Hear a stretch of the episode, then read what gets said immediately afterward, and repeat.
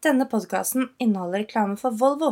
Eirik og jeg er opptatt av god helse og et langt liv. Derfor samarbeider vi gjerne med Volvo, som skal prestere innenfor sikkerhet. Volvo sin nullvisjon handler om at ingen skal dø eller bli alvorlig skada i en Volvo, og det er en stor prestasjon, det. Forskning og praksis har vist oss at trening og fysisk aktivitet er en av de aller beste formene for livsforsikring du kan ha. Men ingen av oss vet hvilke retninger livet tar oss i. Og selv ikke trening kan beskytte deg mot uforutsette hendelser som brann og ulykker i hjemmet ditt, et sykt barn eller forsikre bilen din.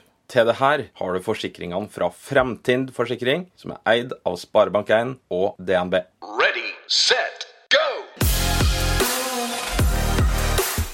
Velkommen til prestasjonsprat med Eirik og Melina.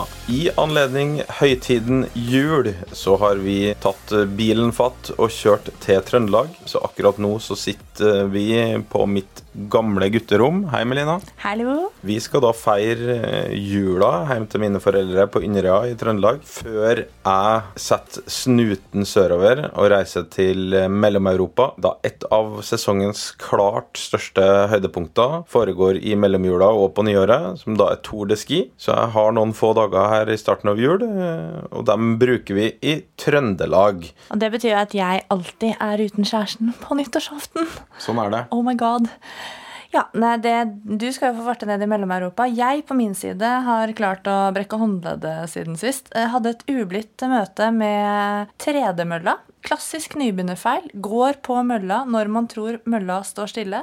Den gikk. Kløne. Man har faktisk en to til tre ganger større sannsynlighet for fall når man er gravid. da. Så jeg får skylde på det. At man blir litt sånn, man får litt pregnancy brain. Har du to til tre ganger større sannsynlighet for å være kløne òg, eller? Man har faktisk det. Ja. Så shut up. ja. Eh, nei, så jeg skal gå på ski med én stav og chille, egentlig. Ja, ja, men det Jula er jo Det er gode muligheter for å få chilla ganske godt i jula. Nå er det ikke veldig gode skiforhold eh, i Oslo har vært, men det er ålreit. Så du skal nå få gått dine meter med én stav. I anledning julen så har vi bestemt oss for å lage en litt annerledes podkastepisode denne uken. Og derfor har vi laget en spørsmålspod. Og vi har jo fått inn masse fine spørsmål fra dere lyttere og følgere, så tusen hjertelig takk for det. Og jeg tror vi bare hopper rett inn i første spørsmål, som er veldig enkelt og konsist, og lyder som følger. Sone 5-trening? spørsmålstegn. Meninger? Ja, meninger. Det er jo et veldig kort spørsmål som helt sikkert blir et litt lengre svar på. Hvis jeg skal ta fram alle meningene mine Jeg regner jo med at vedkommende refererer da til Olympiatoppens intensitetsskala, hvor sone 5 da er definert som 92-97% av den individuelle makspulsen. Så det er tøff trening tøffeste aerobe treningene gjør. da. Og hva er det da den sonen her kjennetegnes som? da? Og Det er jo typisk intervaller med en større grad av anaeropt bidrag. Det er kortere drag, det er melkesyre, det er, det er vondt. da. Alt er bare hardere og litt vondere enn de andre, de andre sonene. Ja, og det store spørsmålet i mitt hode da, som jeg stiller meg i mitt daglige virke òg. Og jeg bruker jo alltid jo nærmest å, å bruke et regneark, da, plusser og minuser. Og til meg så er hva er da forskjellen på I4 og I5?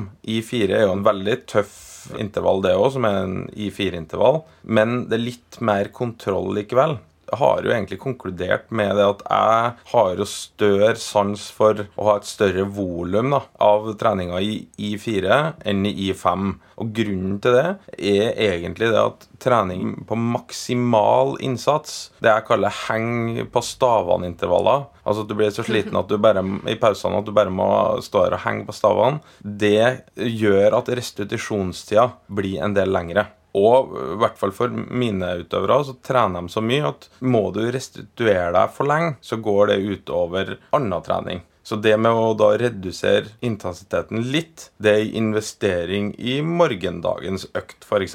Sånn at vi kan trene det 1000 timene vi skal. Og så er jo spørsmålet da hvilken kontekst vi leser det her i. Jeg kan jo bare svare for meg sjøl. Jeg trener jo ikke 1000 timer i året. Jeg trener ikke 12-13 økter i uka heller. Så når jeg har intervaller, så vil jeg si at nesten alle intervaller jeg kjører, er jo såkalt I5. Sjøl om jeg ikke kjører det med pulsklokke og sånn, så tar jeg i det jeg egentlig kan da, på hver intervall, og vil ha definert det som sone 5-trening. Selv om du ikke alltid har eh, veldig mye tid i sone 5 på klokka, nettopp fordi du tar i så mye, eller? Ja, egentlig derfor. La meg ta et eksempel. Da. Hvis du springer ti ganger ett minutt, som er eh, egentlig ei helt plain i fem økt Hvis du da ser på pulsklokka di, så vil du ikke ha veldig mange minutter i sone fem. For det vil du ikke rekke. Men det ytre arbeidet du gjør, det er faktisk minimum eh, i fem, da. Og Hvis man ser på den eh, Olympiatoppens intensitetsskala Dere kan gå inn på nettsiden til O- OLT og titte på den. Da ser du også f.eks. at det er basert på prosent av individuell VO2 max. Og også basert på laktatverdier. Så det er ikke bare pulsen alene som bestemmer at en økt er en sone 5-økt. Treff den derre ti ganger ett minutts eh, ta i alt du kan på de minuttene i intervallen du snakket om. Så kan det godt være at laktatverdiene dine tilsvarer sone 5 i intensitetsskalaen, men pulsen kanskje ikke nødvendigvis gjør det. Så det er veldig mange avveininger egentlig i forhold til hvordan kjøre en sone 5-økt, og også den her kost-nytte-verdien som du var inne på i forhold til restitusjonstid. Så vi har jo mange meninger, men for hvem det er riktig å trene mye eller lite, eller hvordan man skal trene sone 5 i, det kommer veldig an på personen, da. Ja, jeg ser jo for den gemene hob, da. Skal du ha intervaller, det er å ta i litt, det har jeg veldig trua på. Mens for dem da som skal trene veldig, veldig mye, så er jeg litt sånn forsiktig med å anbefale å ha altfor mange økter der de tar i til sitt maksimale. Litt fordi at da er det en dårlig investering i morgendagen. Da må den bli veldig mye roligere, kanskje går glipp av økta etc. Og det har du ikke alltid råd til på um, elitenivå. Og så er det noen gang, en gang sånn at hardtrening det gjør det mye for kondisjonen din, altså VO2 max, altså påvirkning av hjertet etc.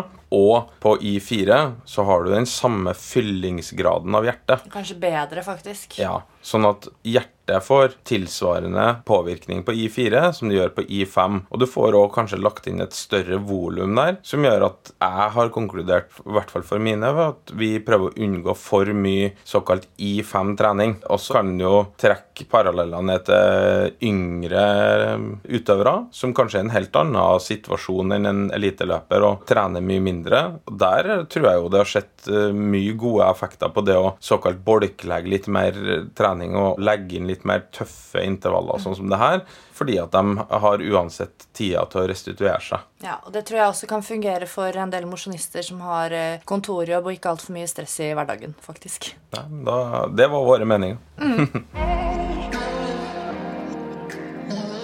Ok, Neste spørsmål. Og det er litt morsomt at akkurat dette kom, fordi dette har vi jo tenkt å lage en episode om etter hvert. Og spørsmålet det går som følger. Hvor lenge varer effekten av høydetrening? Kun de første dagene etter hjemkomst, eller kan man holde effekten ved like for alltid? Ja, og Da er jo det store spørsmålet hva er effektene ved høydetrening, da?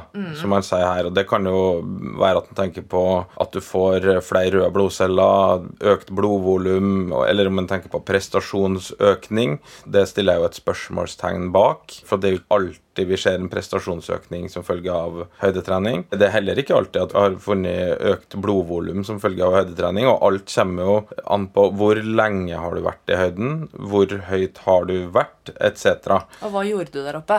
Ja, og ikke minst eh, det siste. Og så spurte han vel om effektene varer bare noen dager, eller om det varer for alltid. At det varer for alltid, det er jeg nok helt sikker på at det ikke gjør. Det er vel noe sånn at en ny rød blodcelle har en, en levetid på sånn ca. 120 dager. Så at maksimalt da kan jeg vel si at 120 dager er så lenge du potensielt eh, har effekt av det. Men eh, jeg tror nok også det er en del kortere enn det, da.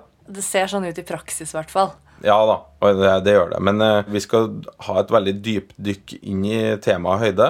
Der skal vi ha med noen interessante gjester på det. Så vi, jeg vet at det er mange som er interessert i det. Det er en debatt, i hvert fall i min verden, i langrennsverdenen. Jeg har fått masse ros, og jeg har fått masse kritikk eh, fordi at jeg har vært de siste årene og ikke har med laget mitt til høyden. Og så kan vi få til en interessant debatt på denne podkasten om det her. Og så har du i tillegg alle oss som jeg kaller meg selv, da, semiprofesjonell eller supermosjonister som liker å dra på høydeopphold og ligge i høyden og trene, vi også. Og har det noe nytte for oss? Fordi det er jo sånn at som han spør om, varer det for alltid? Og det er jo litt avhengig av at du eventuelt har en viss frekvens på eksponeringen for høyde. Du må tilbake til høyden igjen, eventuelt bosette deg, da, for at det skal vare for alltid, eventuelt. Så jeg tror vi må nesten dykke litt dypere inn i det i episoden for å gi liksom et grundig svar. Men nei, det varer ikke for alltid, kan vi konkludere med. Og det varer litt lenger enn noen få dager etter hjemkomst. Så det er en mellomting mellom eh, det han eh, stiller spørsmål om her. Ja, Du har vel din beste dag etter høyde på dag ni, har du ikke det? Ja, det vet vet ikke. Det jeg har ikke prøvd øh, det så mye, men det, gjennom historien så har det vært sånn rundt dag 9 til 12 etter hjemkomst. Det er det mange kjente langrennsløpere som typisk da har kommet hjem fra høyden sånn 9 til 12 dager før et mesterskap som de har gjort det bra i, f.eks. Uten at det har noe vitenskapelig øh, Dokumentasjon for at det er høyden i seg selv. Ikke nødvendigvis. Ja. Da skal vi videre til et litt mer alvorlig spørsmål enn de to første her. Og det lyder som følger. Grunnet en hjertefeil, som da er lang QT-tid syndrom, som kan føre til besvimelser eller i verste fall plutselig død under hard fysisk aktivitet, må jeg holde meg godt unna makspuls. Jeg lurer på om dere har noen tips til hvordan jeg kan forbedre kondisjonen min, eller om det i det hele tatt er mulig når jeg ikke kan anstrenge meg i særlig stor grad. Hilsen ei som gjerne vil ha et langt liv som følge av bl.a. god kondis. Forresten, tusen takk for en superinteressant og informativ podkast. Jo, det var hyggelig. Det var hyggelig.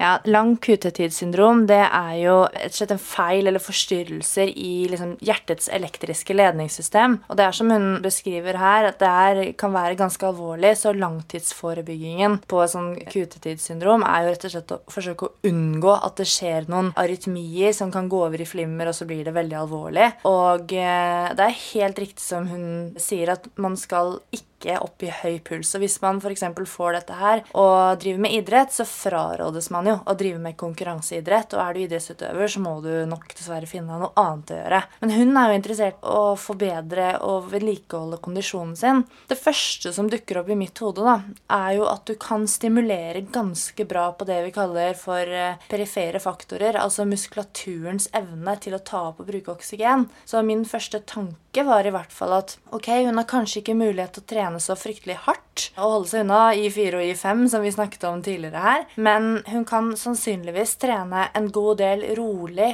og lavere sjikte av moderat trening. Og det betyr at hun kanskje kan legge inn et litt større treningsvolum, da. Så ved å trene en del i rolig trening til moderat trening, det er i hvert fall det første jeg tenker. Ja, det er jo ikke sånn at rolig trening ikke påvirker kondisjon, da, som hun spør om her, men det krever jo der kanskje fire ganger fire intervall, altså som er da 16 minutter totalt i fire, det påvirker i stor grad. Så må du på ganske mye mer enn 16 minutter rolig trening for at det har samme påvirkning, da. Ja, men Hvis du kan trene f.eks. Eh, sånn som eh, Helsedirektoratet anbefaler at alle burde gjøre, at man kan ha noe fysisk aktivitet på moderat intensitet Det er jo ofte da eh, høy sone 2 for de som bruker pulsklokke, eller lav sone 3.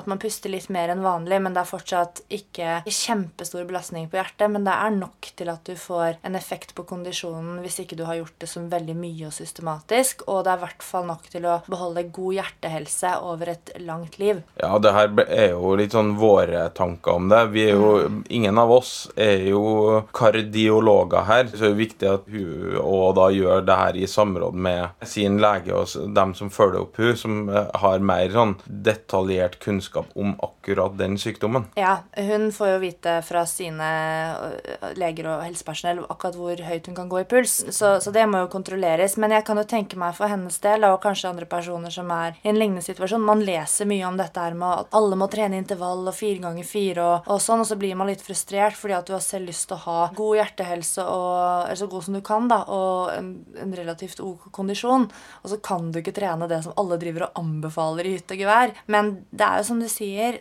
rolig trening påvirker også kondisjonen, bare i litt mindre grad per tid. Og hvis man da kan trene rolig til moderat intensitet, så tror jeg at du får Du får ikke toppidrettsutøverkondisjon, men du får en bra nok kondisjon til å ha god livskvalitet, og at det skal i hvert fall ikke stå på det, da, i forhold til det her lange livet som hun ønsker seg.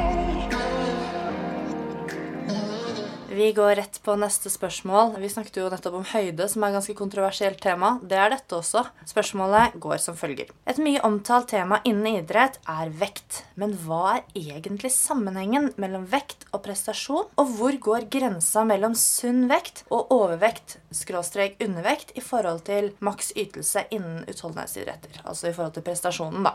Sammenhengen mellom vekt og prestasjon den er jo absolutt ikke lineær. Da hadde jo enhver resultatliste sett annerledes ut enn den alltid gjør. Og da hadde jo visst det på forhånd hvordan eh, resultatlista hadde blitt, da. Ja, jeg som er 1,8, da, kunne bare drite i å stille opp i motbakkeløp, i. For da skulle jeg jo havnet langt, langt, langt ned i dameklassen. Men det har stort sett gått veldig bra. Ja, Samtidig så blir det jo feil å si at det ikke er en sammenheng. Selvfølgelig i utholdenhetsidretter og vektbærende idretter, som vi tidligere har kalt det, så vil jo vekt ha en påvirkning, men den er langt ifra lineær. Jeg tror nok at jeg er litt for tung. Jeg tror nok at det hadde vært veldig effektivt for meg å gå ned i vekt hvis jeg skulle ha gjort det bedre. Men på toppnivå så er folk egentlig veldig tuna fra før, så der er det mye mindre sammenheng, da.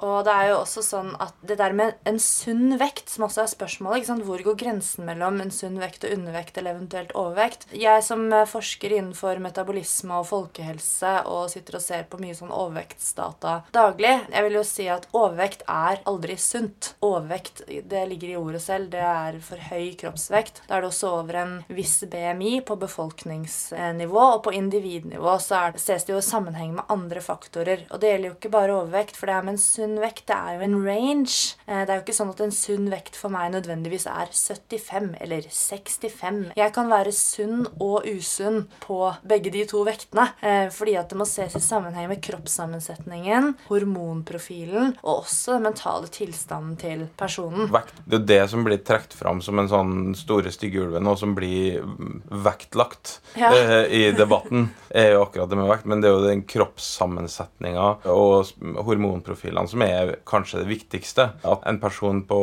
80 kilo, det kan være to forskjellige personer når du ser på kroppssammensetninga. Og det er der at det er viktig å se på, ikke bare baderomsvekt. da. Nei, det er der skoen også vil trykke. Hvis man f.eks. har det vi kaller da ofte omtaler som for lav kroppsvekt, så er det ofte da en parallell til e- egentlig lavt kroppsfett vi snakker om, fordi at vi vet at det fører til bl.a. hormonelle endringer som kan ha helsemessige konsekvenser. Men så er det jo også sånn at eh, opp til et visst punkt så kan du jo selvfølgelig eh, kompensere, eller ikke kompensere, men du kan være sterk i fremdriftsmuskulaturen, som gjør at du transporterer deg raskere enn noen som er lettere enn deg. Du kan ha bedre oksygenopptak. Du kan, ikke sant? Det er mange ting som Selv om du kanskje er tyngre enn en annen person, så betyr ikke det at du ikke vil kunne prestere bedre enn den som er lettere enn deg. For det er så mange faktorer som spiller inn i det prestasjonspuslespillet. Men selvfølgelig, hvis du er en skikkelig muskelsatt, kjempesterk eh, mann på 120 kg og har tenkt deg opp et motbakkeløp, så tror jeg nok ikke du vinner selv om du er sterk i fremdriftsmusklene. Så det blir jo en sånn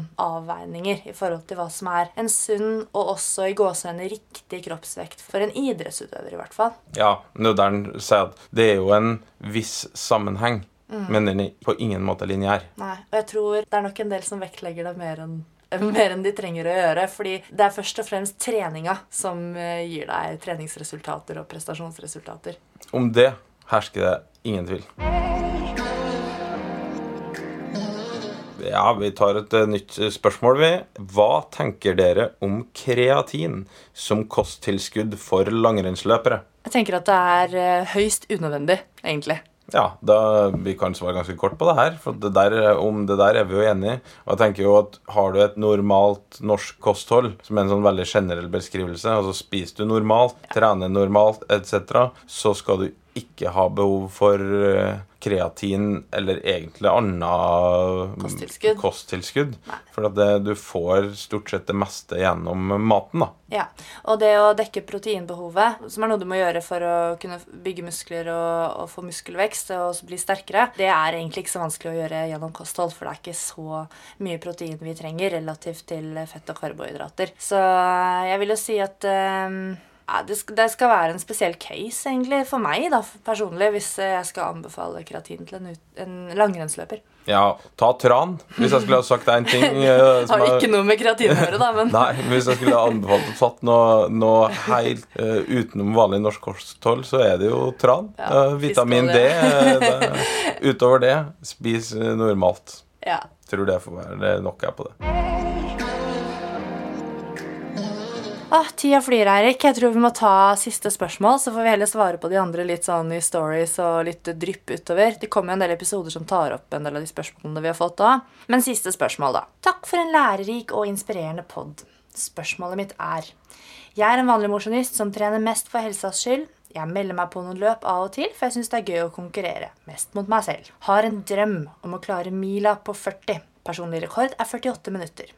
Jeg løper én til to intervalløkter i uka og to til tre rolige økter. På intervallene er jeg usikker på hvor høyt jeg skal presse pulsen på dragene. Pleier å øke farten så mye jeg klarer uten å få syre.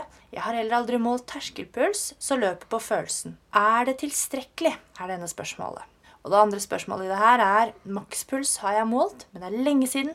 Hvor ofte bør jeg teste det? Ja, her var det jo mye å ta tak i. Det er jo litt sånn uh, påskelabyrintene å ta tak i det opplysningene som er her. På spørsmålet om det er tilstrekkelig, da. Hun springer én til to intervaller i uka og uh, noen rolige turer i tillegg. Og da Her ble jo litt sånn antagelser fra meg. Da, da tipper jeg jo hun har gjort det i noen år. Og da er jo mitt korte svar på om det er tilstrekkelig når målet er å springe under 40, så er jo det svaret faktisk nei. Uansett hvor hardt det må være. Så er det jo en gang sånn at du når jo et visst sånn tak på det når du gjør det samme hele tida, så når du et visst tak, og da blir det ikke så mye bedre. Da må du endre kanskje noe av det du gjør. Må kanskje endre lengden på intervallene, kanskje gjøre det litt mer, eh, etc. Gjør du det samme hele tida, springer du den samme intervallen like fort hver gang, så blir du ekspert på det, men ikke noe bedre enn det. Så jeg ville jo da kanskje anbefalt deg å kanskje prøve å trene litt mer hvis mulig. Kanskje prøve å